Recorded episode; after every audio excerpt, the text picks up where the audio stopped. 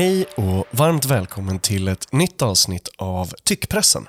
Tyckpressen är Dagens ETCs ledarpodd där jag, Max V Karlsson, tillsammans med inbjudna gäster pratar om vad som är rätt och riktigt, eh, kul och tråkigt, men framförallt kanske vad som är bra och dålig politik. Och jag är fortsatt lika allergisk, eh, härlig följetong, eh, så hälften av året. Eh, men jag sitter inte ensam i eh, studion. Eh, med mig idag har jag bland annat en, eh, för den här podden, ny eh, co-host. Yes, jag heter, jag heter vad heter Annie. du? Vad heter du? Heter du? Jag Ja. är så taggad på att säga mitt namn. Eh, Annie Krona heter jag och jag är just nu på Dagens ETCs ledarsida tillsammans med, med Max. Då. Och vad har du för eh, så, eh, huvudfrågor om du fick välja? Så, säg två. Men kan man välja två? Jag är väldigt eh, klimatbetonad, liksom, eh, men också generellt samhällsfrågor och politik liksom, i, i allmänhet. Så himla kul att ha dig i tyckpressen, Annie. Tack. Ehm, och eh, vi har då eh, också med oss Jesper Fundberg, universitetslektor på Malmö universitet. Varmt välkommen till tyckpressen. Tack så mycket. Ehm, det här avsnittet eh, har jag döpt till eh, ett helhetsgrepp om olika sorters bebisar. Ehm, och vi ska prata eh, lite om den eh, kraftigt uppblåsta debatten om stök på nöjesparker. Eh, vi ska prata om riktigt och faktiskt stök som vi såg i veckan på, i de här skamliga scenerna från Stockholmsläktaren på Tele2 Arena. Ehm, och vi ska prata lite om en eh, text som du har skrivit, Annie, om eh, att det föds för, eh, för lite barn. Inte för små barn, utan eh, för lite barn i antal. Alltså. Eh, så det här blir ett, ett helhetsgrepp och ehm, vi kommer bland annat prata om ett av mina favorit favoritämnen av många, manlighet. Ehm, um, men jag skulle vilja börja med eh, den här Gröna Lund-debatten bara för att det känns som att det eh, eh, blev lite, den har äntligen saktat ner, men det har gått i sån rasande fart. För er lyssnare som inte har hängt med så började allt, som så mycket i riksmedia, med en Twitter-tråd. Det var eh, inlägg på Twitter från en eh, frilansjournalist och eh, förälder då som skrev en tråd om stök på Gröna Lund. Eh, konkret handlade det om eh, pojkar, som, eh, eller unga män som eh, betedde sig eh, stökigt, trängde sig i kön och, och sådär. Och hur den här eh, pappan eh, var besviken på hur Gröna Lund hade hanterat det. Och sen finns det en massa roliga detaljer i det här eh, också. Men om vi börjar prata om, om den här biten då.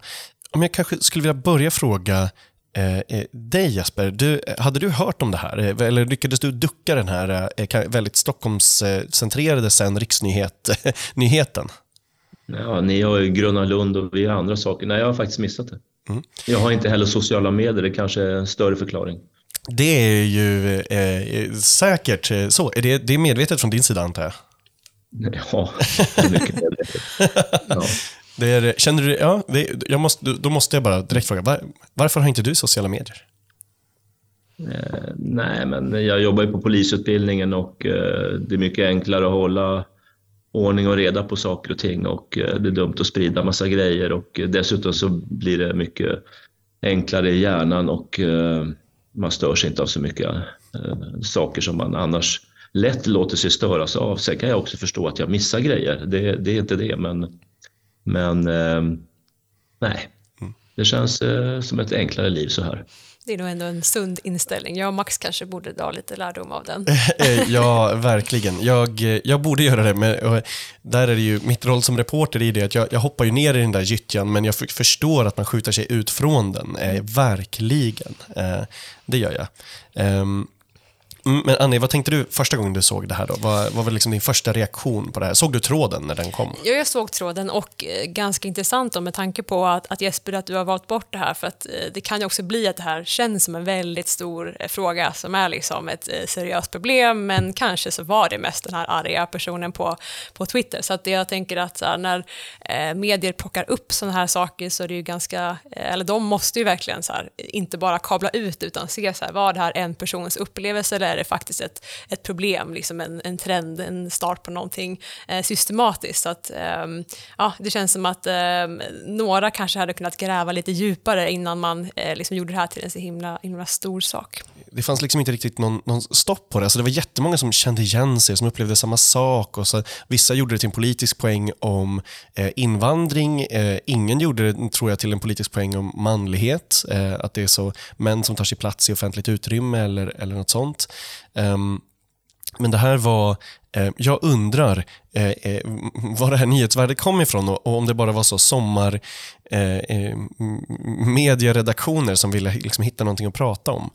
Ja, nej, men det är väl liksom så här, ah, ah, alltså, det kändes som att tesen lite var att eh, killar har blivit så himla mycket värre och det har blivit så mycket brötigare. Liksom. Och, eh, så kanske det är, det vet säkert Jesper mer ifall män har blivit eh, mer, eh, eh vad ska man säga, stökiga. Eh, men det kändes som att det fanns liksom en ganska tydlig liksom, ambition om att eh, få det att framstå så i alla fall. Jesper, har inte stökiga ungdomsgäng alltid funnits? Jo, absolut. Uh, oh ja, det finns uh, omvittnat och beforskat sedan sedan lång, lång tid tillbaka. Vi talar inte årtionden utan århundraden. Eh, särskilt unga män i grupp eh, som stökar runt i offentligheten. Så att det, det är inget nytt fenomen. Varför tror du att reaktionerna blir så starka? Liksom, ja. Eh, oron kring de här och vad man ska göra och diskussioner. Vad ska vi göra med dem? Mm. Och, vad, och, vad, skulle du säga då? Varför tror du att reaktionerna blir så starka nu då?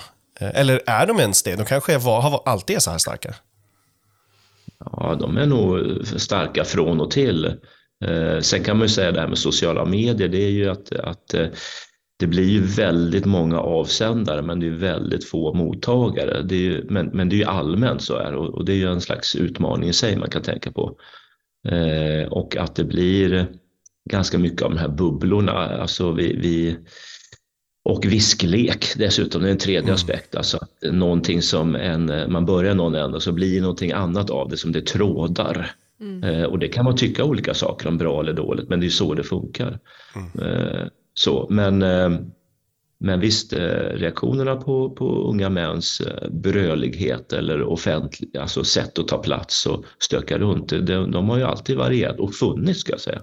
Och sen är det då intressant med hur man hur man uppfattar, precis som du var inne på, hur man uppfattar, hur man gör analysen. För analysen ligger till grund för vad man tänker att man ska göra. Mm. Är analysen att det här handlar om killar med, från annan kultur och med andra liksom, förståelse av hur man beter sig i ett offentligt rum på grund av kulturella aspekter, ja då kommer ju, då kommer ju då åtgärderna hamna kring de aspekterna. Ja, men frågor om migration och så vidare. Mm. Är analys att det handlar om maskulinitet, ja då, då, då är det en annan form av åtgärdsprogram eller idéer som kommer i förgrunden som kopplar till, till kön och uppfostran och den, ja, så. Eh, och så kan man naturligtvis tänka flera tankar samtidigt, men, men det brukar vara knepigare. jag tänkte säga, va? Kan man det? är, det ja. är det möjligt? det hade varit fint ifall det kom en diskussion nu om hur man ska få män att kanske bli lite mjukare då, men det känns som att det mer varit här, tuffare tag eh, och säkert någon migrationsvinkel istället, så att, eh, ja, det var ju synd då. Välj ett klimatsnällt sätt att resa i sommar. Med ETC Tåg, ja, då slipper du det där krånglet med att boka biljetter hos en massa olika tågoperatörer. Du bokar hela resan, enkelt från en och samma sajt. Därefter får du alla biljetter i ett och samma mejl. Snabbt, enkelt och bra för klimatet. Besök etctag.se Unga män i grupp är ju, det är ju konstaterat farligt. Mm. Det är en av de farligaste sakerna vi har i samhället. Och sen om de är vita, bruna, gamla eller unga, det, det, det verkar faktiskt vara lite mindre intressant, i varje fall från mitt perspektiv. Mm. Eh, därmed betyder det inte heller att man ska förmildra alldeles oavsett Självklart. ursprung, bakgrund och så vidare. Men, men uh, unga män i grupp, där har vi alla anledning att stanna upp och fundera vad, uh, och, och faktiskt fundera vad, vad det här är, brukar vara knepigt. Mm. Det kom en intressant, då, eh, innan vi går vidare till nästa punkt, så kom det en intressant, eh, ett tillägg i den här debatten och det var ju att eh, den här föräldern som tog till, till Twitter var ju också besviken på att säkerhetschefen på Gröna Lund hade poserat i en James Bond-outfit hållandes i en pistol på sina sociala medier på ett privat Instagram-konto. Han sa att det skickade fel signaler att eh, hålla i en eh, eh, pistol på det här sättet. Alltså en, en, han, han var utklädd till James Bond. um, och, och, och Det här tyckte jag var um, så, så unikt gnälligt att, att jag blev, nästan blev imponerad. Men, men att det, för det var precis samma argument som förhärligandet av gangsterkultur som det finns de som menar att till exempel hiphopmusiken har och de, eh, eh, så, eh, de där rapparna i, i de där förorterna som, som också ekar av, av gammalt groll. Eh, och, och, Det blev applicerat på det här också, som ett så sista försök att hälla tillfälligt bränsle på en, en eh, eld egentligen. Eh, Annie, du, blir du jätteupprörd om du ser någon utklädd James Bond med en pistol? Tror du att unga eh, så förhärligar våld efter det? Eh, nej, och sen så var det också att han har gått in på någon persons privata Instagram och jag tänker att man kanske kan hålla isär dels en privat Instagram och också att det var en maskerad, verkar det ju som. Mm. Så att just det där blir jag inte så himla upprörd över faktiskt. Uh, nej, det kan jag inte säga. Men om jag frågar dig Jesper, då, finns det någonting som Mm, säg att det här kanske inte är riktigt förhärligade eh, våld och vapen och, och, sånt. Ser du någonting från, från ditt håll, någonting som faktiskt gör det? Alltså finns det någonting som förhärligar en våldskultur eller så som du följer eller bevakar i, i Sverige? Och finns det någon skillnad där? Är det så att våld glorifieras bland unga män? Ja, det gör det ju absolut eh, bland en del unga män och på olika sätt. Det kan ju vara allt ifrån det här populärkulturella våldet som förhärligas eller som är som förebildligt.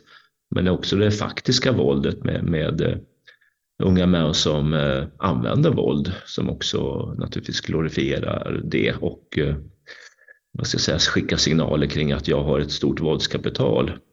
Mm. Så att, men det beror på vad vi menar med våld. Men, men också den här, det är ju det här som, som gör att jag inte har sociala medier och som gör att vi tar upp det med våra studenter på polisprogrammet. Att mm. Se upp med vad ni har på era sociala medier för det kommer att tolkas och det kommer att analyseras och det kommer att förstås på en mängd olika sätt. Eh, och för dem, för dem är alldeles oavsett om det är något slags officiellt eller privat konto. Det är same same. Eh, var väldigt, väldigt försiktiga för det, så slipper ni alla de här tolkningarna. Det är ju väldigt kloka råd. Jag har, jag har tidigare skrivit om, om precis om eh, eh, sociala medier kopplat till eh, eh, myndighetsutövning men även människor som jobbar på myndigheter och, och så. Där, eh, där har det ju det, till och med varit så att polisen har, har konstaterat att eh, om det är så att riktlinjerna brister från myndighetens håll så utsätter det anställda för risk. Eh, mm. eh, och och det, det förstår jag verkligen. Man är, man har ju så, man är ju en person eh, där och, och det kommer att övertolkas eller tas ur kontext eller skärmdumpas eller framförallt bara leva kvar. Ehm, det är eh, väldigt svårt. Men jag tyckte det var, det var, det var ett intressant sista bränsle här. Ja, och man ska också komma ihåg, inte minst när det gäller då myndigheter och, och så vidare att eh, sociala medier är ju inte offentligt styrda liksom, eh, plattformar. Det här är ju företag. Mm. Du lägger ut bilder, innehåll, allt möjligt på ett privat företags server som, den kan, som det företaget kan göra vad den vill med. Vad myndighet, svenska myndigheter har där att göra, det, det, det, det jag tycker man ska verkligen överväga det. Eh, Ja, det är som om vi ägde det själva, men det gör vi inte. Ja, verkligen. Men om man pratar om det här då, vi, vi har ju mm. beskrivit det här då men, eh, som ett dominansbeteende som finns bland unga män, att till exempel i grupp eh, tränga sig i kön och sådär. Finns det någon, eh, hur bryter man ett sånt från, från, från ditt håll? Hur, hur gör man? Hur hanterar man dominansbeteendet? Eller, för det är väl inte en naturlag? Nej, nej, om det är en grupp som det är, ja då är det sära på dem. Mm. Det är nummer ett. Ja, och, och, jag menar, och det, det låter banalt men, men, vi kan tänka det på i alla möjliga sammanhang. Eh, det är alltifrån, jag menar, det, det mår ju oftast inte bra av att vara i grupp och där det mm. utvecklas den här typen av kultur och beteende. Men det kan ju vara allt från skola till förskola till asylboende till, till eh, Fotbollslaget, till, och så vidare. Ja, ja sära på, på, på, på människor så att det inte är i grupp. Men med det sagt, det är ju ibland lättare sagt än gjort, va? Men, men tänka på hur vi organiserar vårt samhälle och hur vi gör med grupper av människor. Mm. Mm. Ja, jag, håller med, jag kan bara lägga till att så här, äh, män i grupp har ju alltid varit liksom, som kvinna något som man har liksom varit, äh, ja, men, hållit koll på liksom, och det har liksom orsakat äh, obehag när man varit på, på stan och när man har varit ute och sprungit eller allt det där. Men det är inte en, en ny grej, så det känns som att tesen här var lite grann att så här, nu har samhället spårat och nu, nu har det gått för långt. Lite grann underton att det är ett migrationsproblem kanske. Och jag menar bara att alltså, vi är ganska många som har varit rädda för män i grupp liksom hela livet, så det är inte så att det är en, en ny ble, företeelse. Det blev en nyhet när en pappa skrev om det, när en man skrev ja, om det. men det är väl en typisk sån grej som så här, män får döttrar och då blir de feminister, typ. Just det, just det. Ja, men det är lite den. Kanske då, det här kanske till och med, det kan ju ha varit ett fall av män får döttrar, vill försvara sin familj, känner att man inte räcker till i den mm, biten. Exakt. Att det är så, eh, eh, mm. vill, vill dra lands men kan exakt, inte riktigt blev göra. blev alfahanne ja, men precis. jag fick en dotter. Exakt. Mm. Ja, jag, jag tyckte det var jätteintressant. Men, men, man kan ju också naturligtvis fundera på vad, hur, hur man liksom bemöter unga män mm. Eh, enskilt eller i grupp och, och, att vi behöver kanske en mer diskussion om, ja, men om maskulinitet, olika former av maskulinitet och vilka uttryck som vi tillåter och hur man sätter gränser. Mm. Eh, för det var väl det som den här debatten också rörde kring, den här obehaget, kanske också oförmågan att sätta gräns. Inte minst därför att det är obehagligt som du är inne på Annie. Mm. Eh, det kan leda till liksom repressalier och våld. Eh, och, ehm, och det är, ja, och det, och det, det är obehagligt helt enkelt. Eh, mm. Så att det kan man ju träna på hur man kan hantera den typen av, av vad ska jag säga, potentiellt våld. Jag mm. brukar ju säga att, att var inte den närheten eller tidigt, tidigt säga eh, kom inte närmare.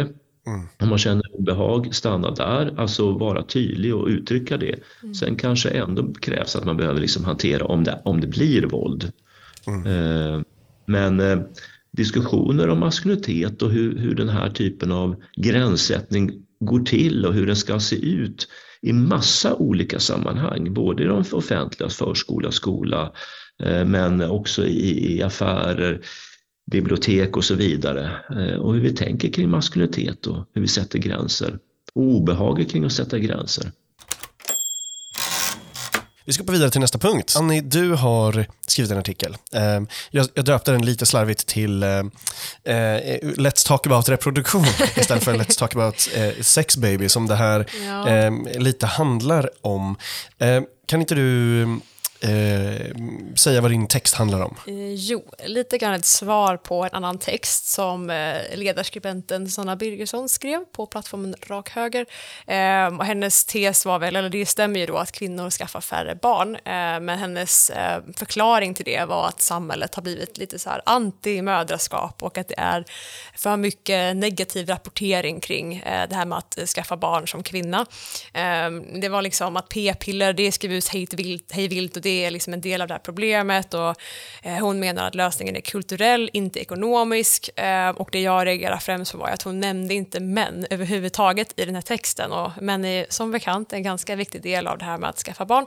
Va? Eh, eh, newsflash. Eh, nej men precis, så att jag, ja, men reagerade dels då på att hon inte tar upp liksom, eh, det här med ekonomi och de kriser som råder som eh, faktiskt är seriösa hinder för folk att skaffa barn.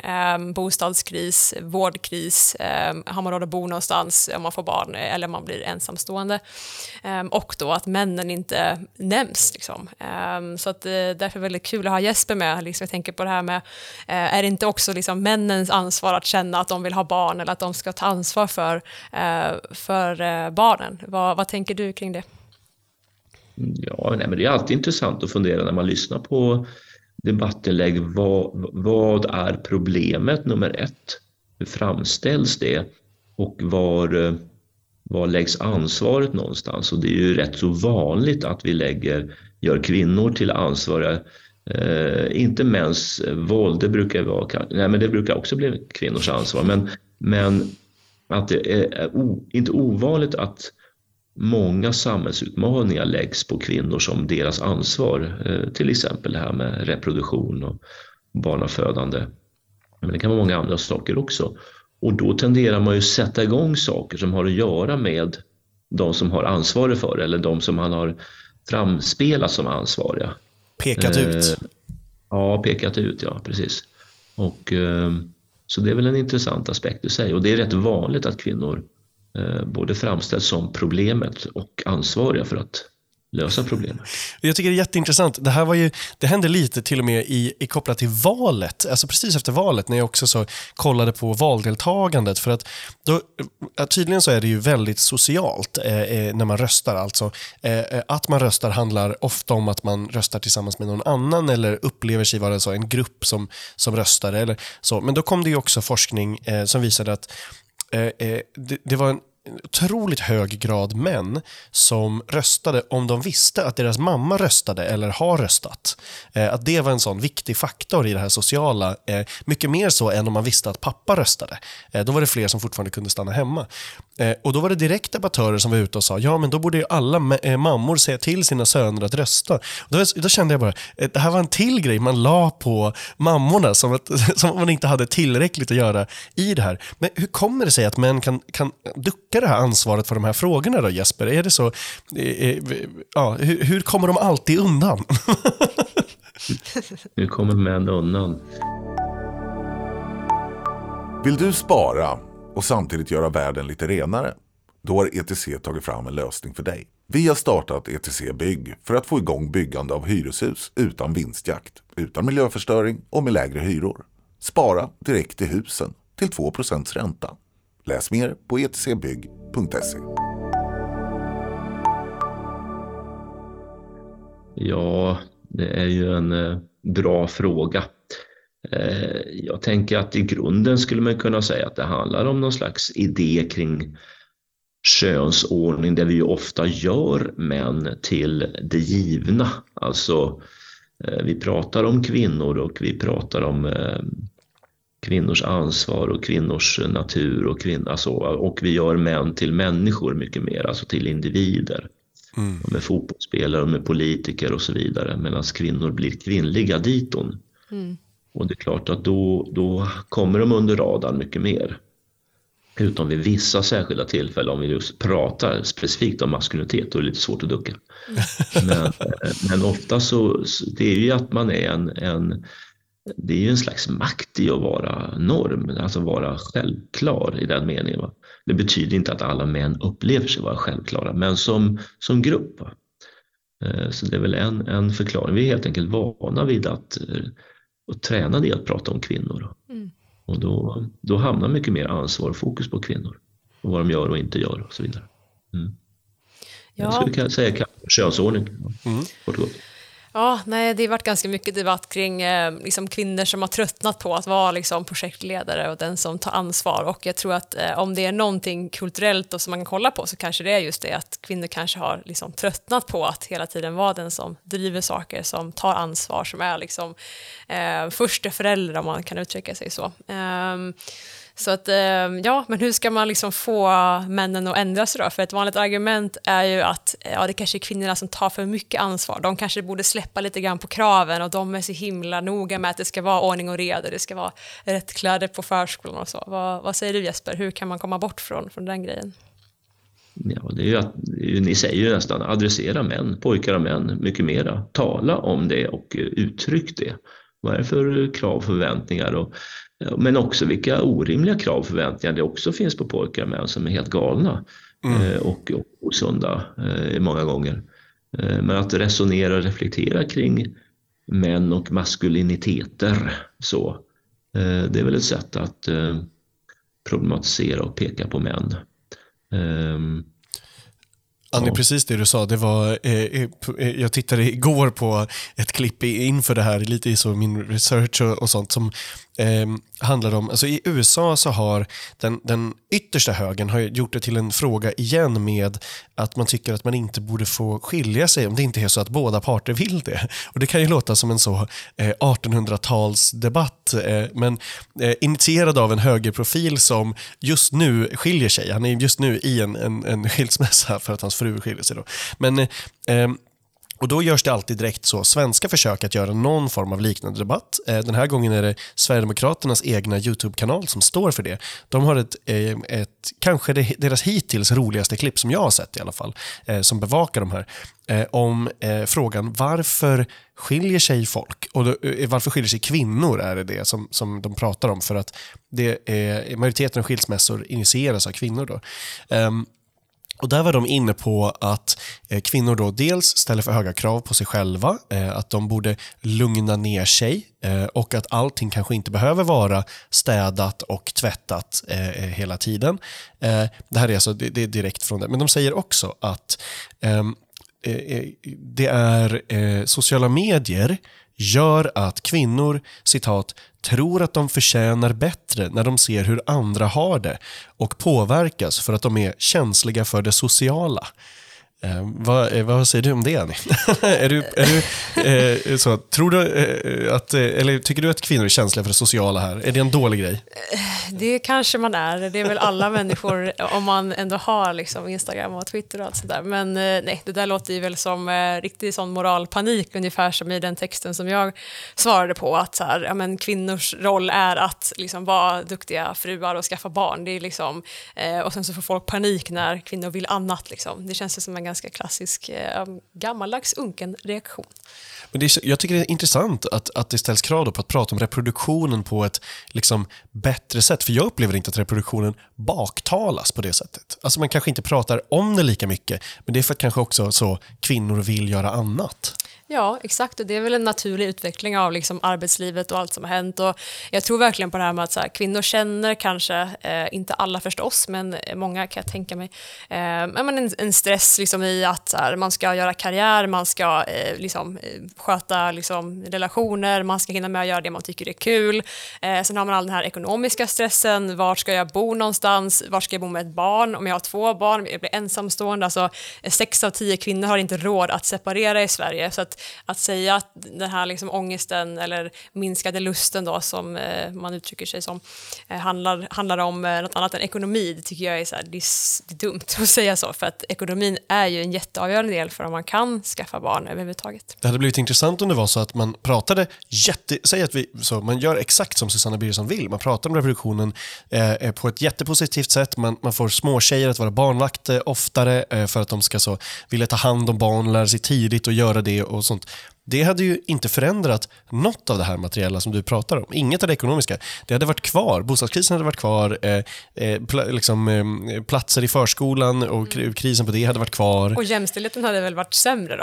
Något. Så att, eh, jag står väl fast vid mitt förslag att småpojkar kanske borde sitta barnvakt istället så att de kan få känna att det är, eh, är faktiskt fint och härligt att umgås med, med barn. Mm. Hade du någon mer, har du någon mer fråga kopplat till din eh, text som du vill köra? Uh, nej, När du har två män här. ja, men jag, jag, kan fråga dig Max då, för att jag tycker det är kul att prata med, alltså jag är kvinna och jag har flest tjejkompisar. Så att när jag liksom, eh, när mina vänner skaffar barn så ser jag ju mammarollen framför allt. Men hur har du upplevt när dina, om du har några manliga vänner som har skaffat barn, hur har du upplevt det? Ett, ett exempel bara är ju så, när jag Eh, runt 2014 Eh, Eh, och, och de runt om åren så gick jag på flera sådana här som det kallas killmiddagar som var en metod för att killar skulle kunna prata på ett annat sätt. Eh, det var könsseparatistiskt för män eh, och det var det var jätteintressant, det var väldigt utvecklande för mig. Den första frågan som ställs på dem, den allra första frågan ehm, som man ska prata om då med främlingar ofta, det är när pratade du senast med din pappa om något annat än något praktiskt? Bra fråga. Och bara den frågan startade samtal som höll på i, i timmar. Alltså mm. en fråga, en enda fråga räckte för att jättemånga skulle så vrida upp locket på känsloburken och börja prata om det här på ett, på ett genuint sätt. Mm. Uh, uh, och, och, det har jag sett flera unga pappor uh, så, ta till sig eh, eh, och ja, agera utifrån. Det, det är coolt. Jag bara slogs av att det var en ganska tydlig, liksom, trots att man har liksom, eh, kommit långt i Sverige med jämställdhet jämfört med en del andra länder och att man kanske tycker att man eh, lever i jämställda relationer till viss del så märks det ändå ganska tydligt, upplever jag, när eh, man får barn eller folk får barn att så här, ja, men det var ändå en person som var lite mer ansvarig för ditten och datten och ganska Killarna ofta. kunde fortfarande dricka öl.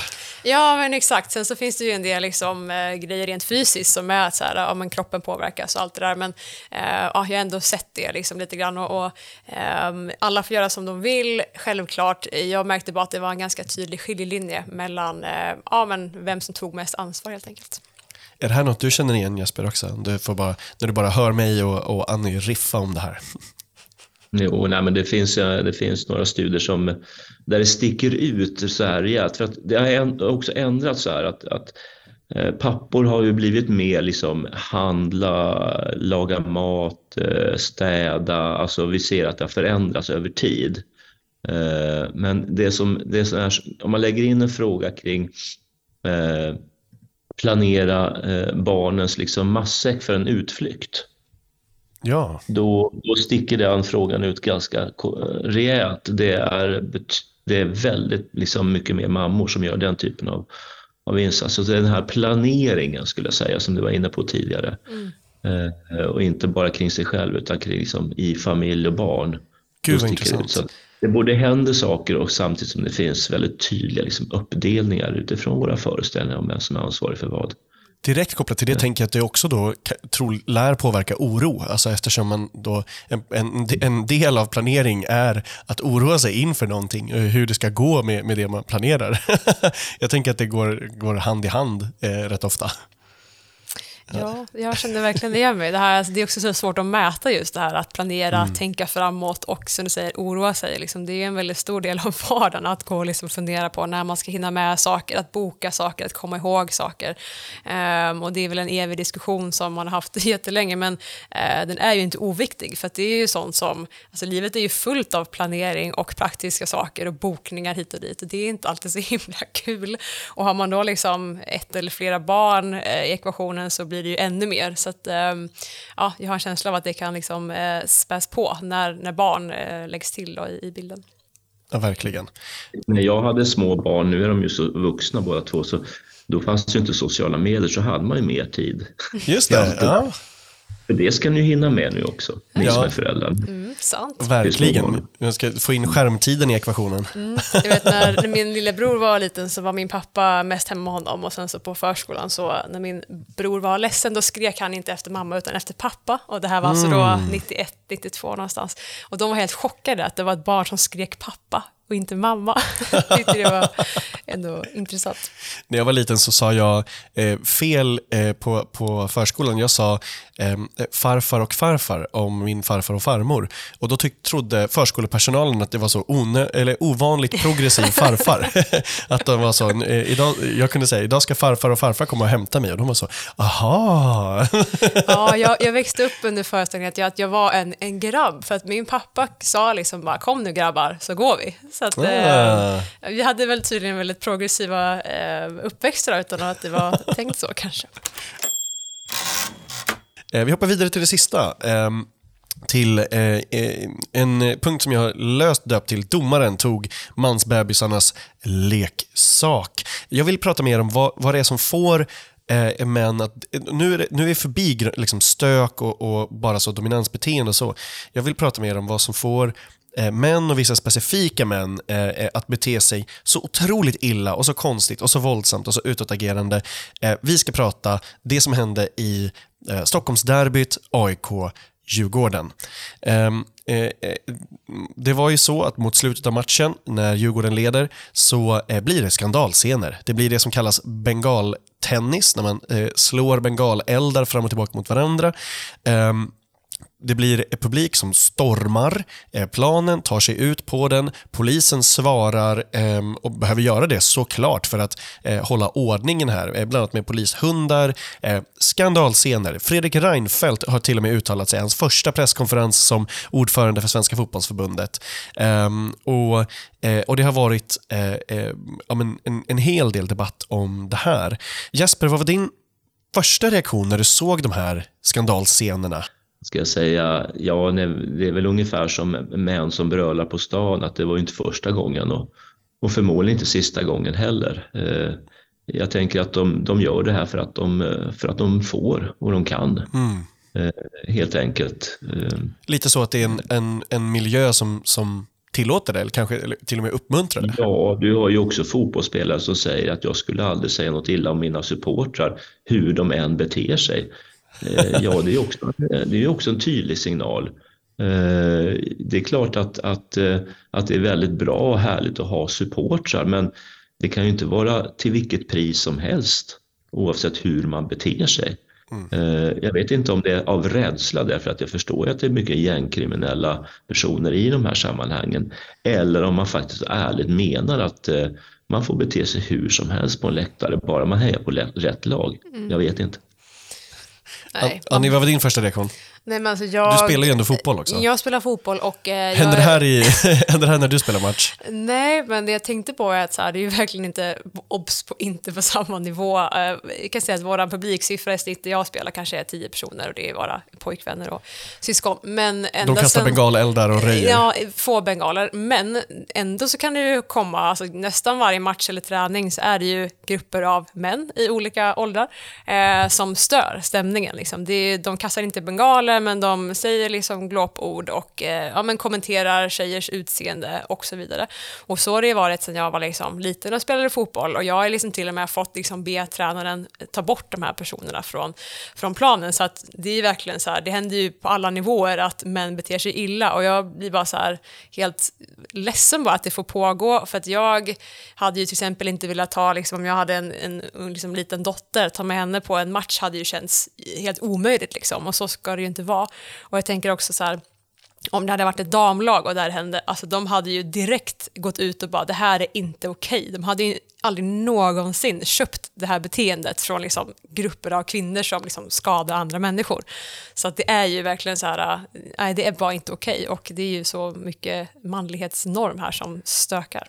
Jag försöker tänka hur, hur det hade överhuvudtaget sett ut. Alltså jag kan liksom inte ens se bilden framför mig om det hade varit motsvarande styrka på hundratals, om inte tusentals, mm. som kvinnor som står där och, och eh, liksom bråkar med polisen och eh, stör ordningen och tar över hela stadsdelar. Kastar saker på gulliga hundar. Ja, men precis. Kastar saker på hundar och, och Eh, eh, så det, det, finns liksom inte. Men så pass då normaliserat är det. du se det?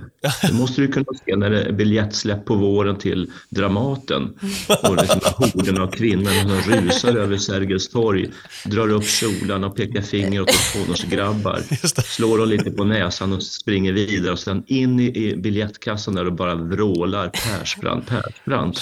Ge oss Persbrandt. Tänk moralpaniken om det händer. Ja men exakt, och, och så eh, loskar på spårväg city på samma sätt som eh, när eh, liksom, Stockholmslagen i mansfotbollen åker pendeltåg. Och, eh, eh, men, och de här takeovers av hela stadsdelar är också intressant på ett sätt för att det, det, det är ju det finns ju en supporterkultur eh, som är eh, eh, ja, men så, firande och, och, och sånt, men, men att det finns det här precis under ytan så finns den här tillåtelsen för det här. Nu är det ju så, klubbarna har ju fördömt det här ska man säga och, och AIKs VD har ju avgått och de andra topparna hänger löst.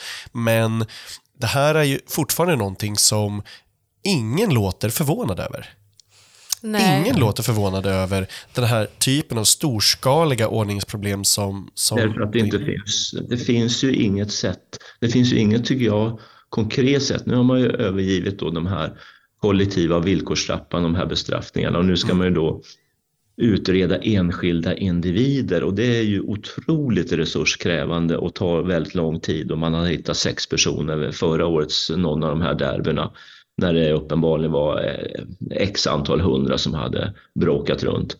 Eh, ja, frågan är vad som är värt, värt vad. Eh, spela fotboll eller se på fotboll är ju inte ett, eh, en självklarhet och det är inte något samhällsbärande heller. Man kan tycka att fotboll är otroligt viktigt och jätteintressant men det är inte skola, vård, sjukvård och så mm. vidare. Det är dessutom någonting som klubbarna ska bära själv. Alltså själva verksamheten är ju, är ju så att det, det, är de här föreningarna, på samma sätt som andra föreningar som gör saker. Men, men, men här är det ju eh, eh enorma resurser från det offentliga som, som det handlar om. Det offentliga. Ja, och även det offentliga rummet, alltså som det här med när man, man fullständigt dominerar kollektivtrafik eh, och, och även eh, eh hela stadsdelar under, under liksom en, en viss tid. Mm. För privilegiet att eh, eh, stå där. Men finns det, någonting, det finns, ja. finns det någonting i det här som är kopplat till alkohol också? Skulle, jag vet inte om Jesper, om du har någonting i, i, i det, så att, att det finns, jag tänker att det till manlighet också finns kopplat en, eh, en syn på alkohol, eller en alkoholkultur också. Ja, det, det är bland en del av de här som stökar runt är ju påverkade av alkohol, en del är påverkade av narkotika men en del tycks bara allmänt påverkade av mansnormen att man får använda våld och man ska använda våld. Eh, men vi är tillbaks till den där, hur disciplinerar man män? Och hur sätter man gränser för mäns eh, problematiska beteende? Jag menar inte allt beteende, men det här problematiska beteendet och den oro och stress och rädsla som det tycks finnas kring att disciplinera män, det vill säga sätta stopp och gräns. Jag har hittills inte sett något som sätter gräns och stopp förutom pandemin. Va? men det. var ju som en människa, men det var ju något annat. Va? Eh, men jag har inte sett någonting som stoppar det här. Mm. Inget. I Turkiet, det kan man säga mycket om, om landet, men för många, många år sedan så var det en motsvarande situation på ett derby. Där har man då bestämt att nästa match mellan det ena och det andra laget, då fick bara kvinnor och eh, män under 12 år eh, bevista matchen. Det var ett väldigt radikalt grepp. Det kom ju massor utav publik, och det var en god stämning. Men någonstans när det är väldigt problematiska beteenden så måste man göra radikala förändringar och jag ser inga sådana. Mm. Och då kommer det här att fortsätta. Mm. Intressant förslag. Det hade varit kul att se hur stämningen blev utan eh, män över 12. Ja, verkligen. Det, det är... Jag vet ju att det kommer att, och Reinfeldt sa det, inga kollektiva bestraffningar och vi vet mm. vad fansen och klubbarna, ja men fansen och klubbarna vill ju inte stöta sig med de här mm. eh, våldsamma. Så, men och jag kan ju säga allt det här för jag inte har sociala medier så slipper jag den anstormningen. Men, men det är ju det är ju någonting som måste ske för att det här eh, kommer inte att sluta bra. Mm. Det kommer att drabba ännu mer än vad det redan gör. Och det är ju någonting fullständigt absurt mm. att det här får fortgå. Och jag gillar inte kollektiva bestraffningar men jag kan just nu inte se något annat än att man måste göra något radikalt därför att det är det man använder sig av för att utverka det här våldet. Det är ju det kollektiva, alltså man gömmer sig i mängden, man mm. gömmer sig under så att säga. Ja. Det är det som är eh, grunden för att utöva det här våldet. Ja, jag kan inte se något annat just nu, men jag är öppen för eh, andra förslag. Jag kan tänka mig att det också är det som gör i den här mentaliteten att det är vissa som eh, hoppar över ett staket tillsammans med andra som de annars inte hade gjort såklart. Mm. Alltså det är ju att de är en del av den här, de ser sig som en del av den och de följer det, de pressas in i det. Eh, polisen har ju varnat också för att det, det här är i värsta fall då så blir det en insocialisering av, av ungdomar i en så helt parallell miljö där det är andra eh, regler och andra lagar som gäller. Bara för att det är då en, en eh, så eh, eh helt unik eh, och väldigt manligt dominerad eh, kontext resurserna som går till det här är ju enorma och jag är så här, nu är inte jag någon eh, liksom, superung person, men jag tänker om jag hade varit, eh, jag är rädd när jag är ute liksom, på stan eller åker tunnelbanan eller derby och man är liksom 14-15-årig tjej, då hade jag ju varit kanonrädd liksom, för de här grupperna av eh, arga män som liksom, börjar slåss på tunnelbanan, liksom, på krogar, på torg. Liksom. Så nej, det är verkligen inte, inte okej. Okay. Du kan fråga hur stoppar man mäns våld, men, men eh, det är alldeles, ja, det, det det har ju inte, det har ju funnits förslag, det har funnits politiska satsningar och så vidare men syvende och sist så fortsätter ju män att slå andra män och kvinnor. Mm. Och eh, nej, det, det är ett jättestort bekymmer. Ja, det, det där tycker jag är så intressant för att det finns ju mycket forskning eftersom mäns våld har pågått så pass länge. Så är det ju så. Det är ju eh, eh, ett av de ämnena som har studerats väldigt länge av olika fält och, och väldigt så olika discipliner och, och sånt. Eh, och där finns det ju sådana, så, vad som är beteendeförändrande och, och sånt. Att det till exempel är då, men att flytta på en individ från en geografisk miljö till en annan som man gör med gängkriminella och sådär. Att de får helt enkelt flytta så till Norrbotten någonstans och, och eh, eh, sådana grejer. Men här skulle det då vara så, ja men flytta tusentals eh, eh, män i så, nej, men det, det, funkar ju såklart inte riktigt. Utan då är det ju eh, en, en annan grej. Det andra som man har sett är ju socialt tryck. Det förändrar då beteenden. Att det finns ett starkare socialt tryck att inte bete sig så. Eh, och att det är det som förändrar till exempel eh, när man har eh, eh, ja, men kanske farligare eh, tankar som, som, som, kan skada andra. Alltså terrortankar eller, eller så jättevåldsideologier eller till och med vaccinskepticism, då har det varit socialt tryck som har fått dem att gå åt kanske då rätt håll eller ett sätt som inte, inte utsätter dig och andra för risker. Men det här sociala trycket, det når ju inte de här personerna. Alltså, det, det, det, här det sociala tryck som finns som ett svar ska man säga, från klubbarna eller från media eller från de som har uttalat sig nu de senaste dagarna, det når ju inte de som faktiskt står där och hoppar över staketet. De blir inte pressade av det här.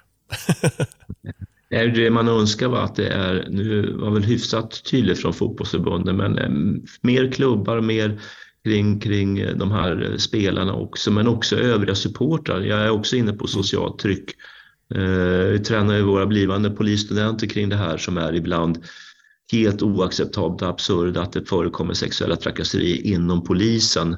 Och då tränar vi ju som, eh, vi använder forumspel, alltså att de får och träna sig på att agera eh, kring situationer som, som någon har erfarit och då sätta tryck på killarna att, att stoppa och förstå att ni är ju fler som tänker rätt här och som också kan stoppa beteende, alltså ta ansvar för andra mäns beteende. Och när någon, någon agerar så följer ju fler på. Mm. Så när någon tar första steget och säger stopp, eller det här är inte okej, okay, eller vad gör du? Då får man ju med sig tre, fyra stycken och då blir det socialt tryck.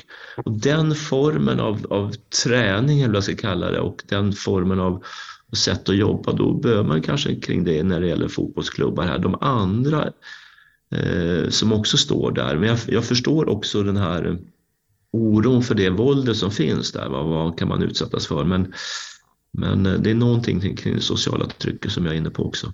Det mest konstiga som jag sett kring det här, det är, det är de som argumenterar för att det är ett bra utlopp. Att det är så att det är bra att de äh, agerar med det våldet där och inte gör det på andra ställen. och, och så. Som att det skulle vara äh, inneboende våldet i mannen. Och det reproducerar ju den här manligheten som är så pass skadlig. Att männen innerst inne är ett djur som de ska tämja eller att de måste få, få ut det här på, på något sätt. Som att, som att det är inneboende i alla män, att det finns ett våldsamt monster.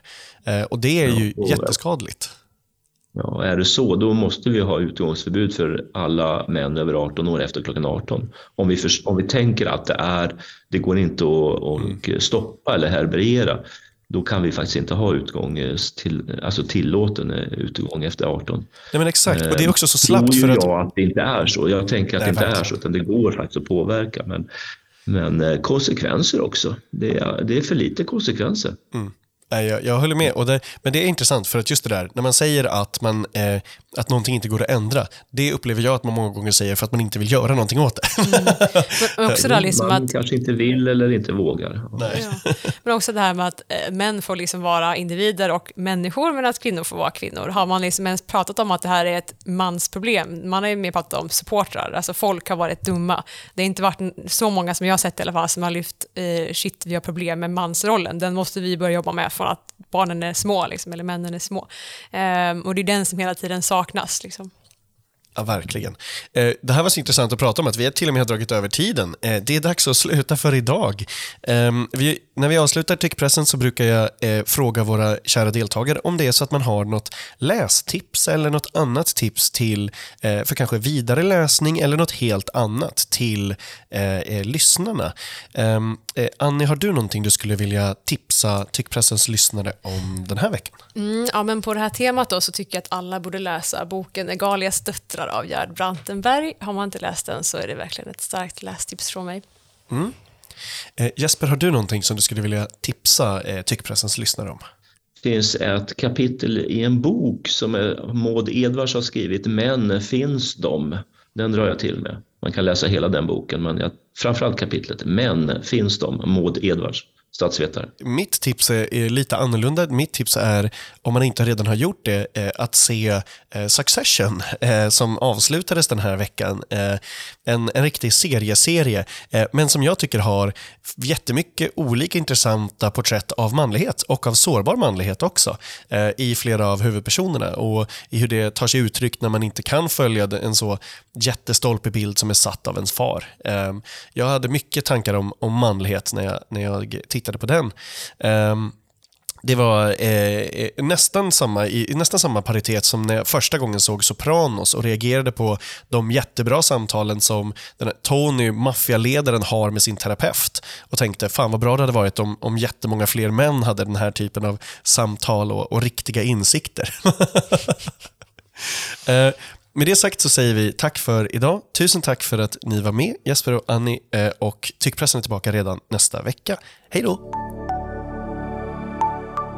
Visste du att 90% av medierna i Sverige är borgerliga? Samtidigt har extremhögern byggt upp en hel pamflett av propagandasidor. Dagens ETC är dagstidningen som ger hopp och ryggrad att stå emot den blåbruna sörjan. Sveriges enda röda dagstidning för en grönare värld.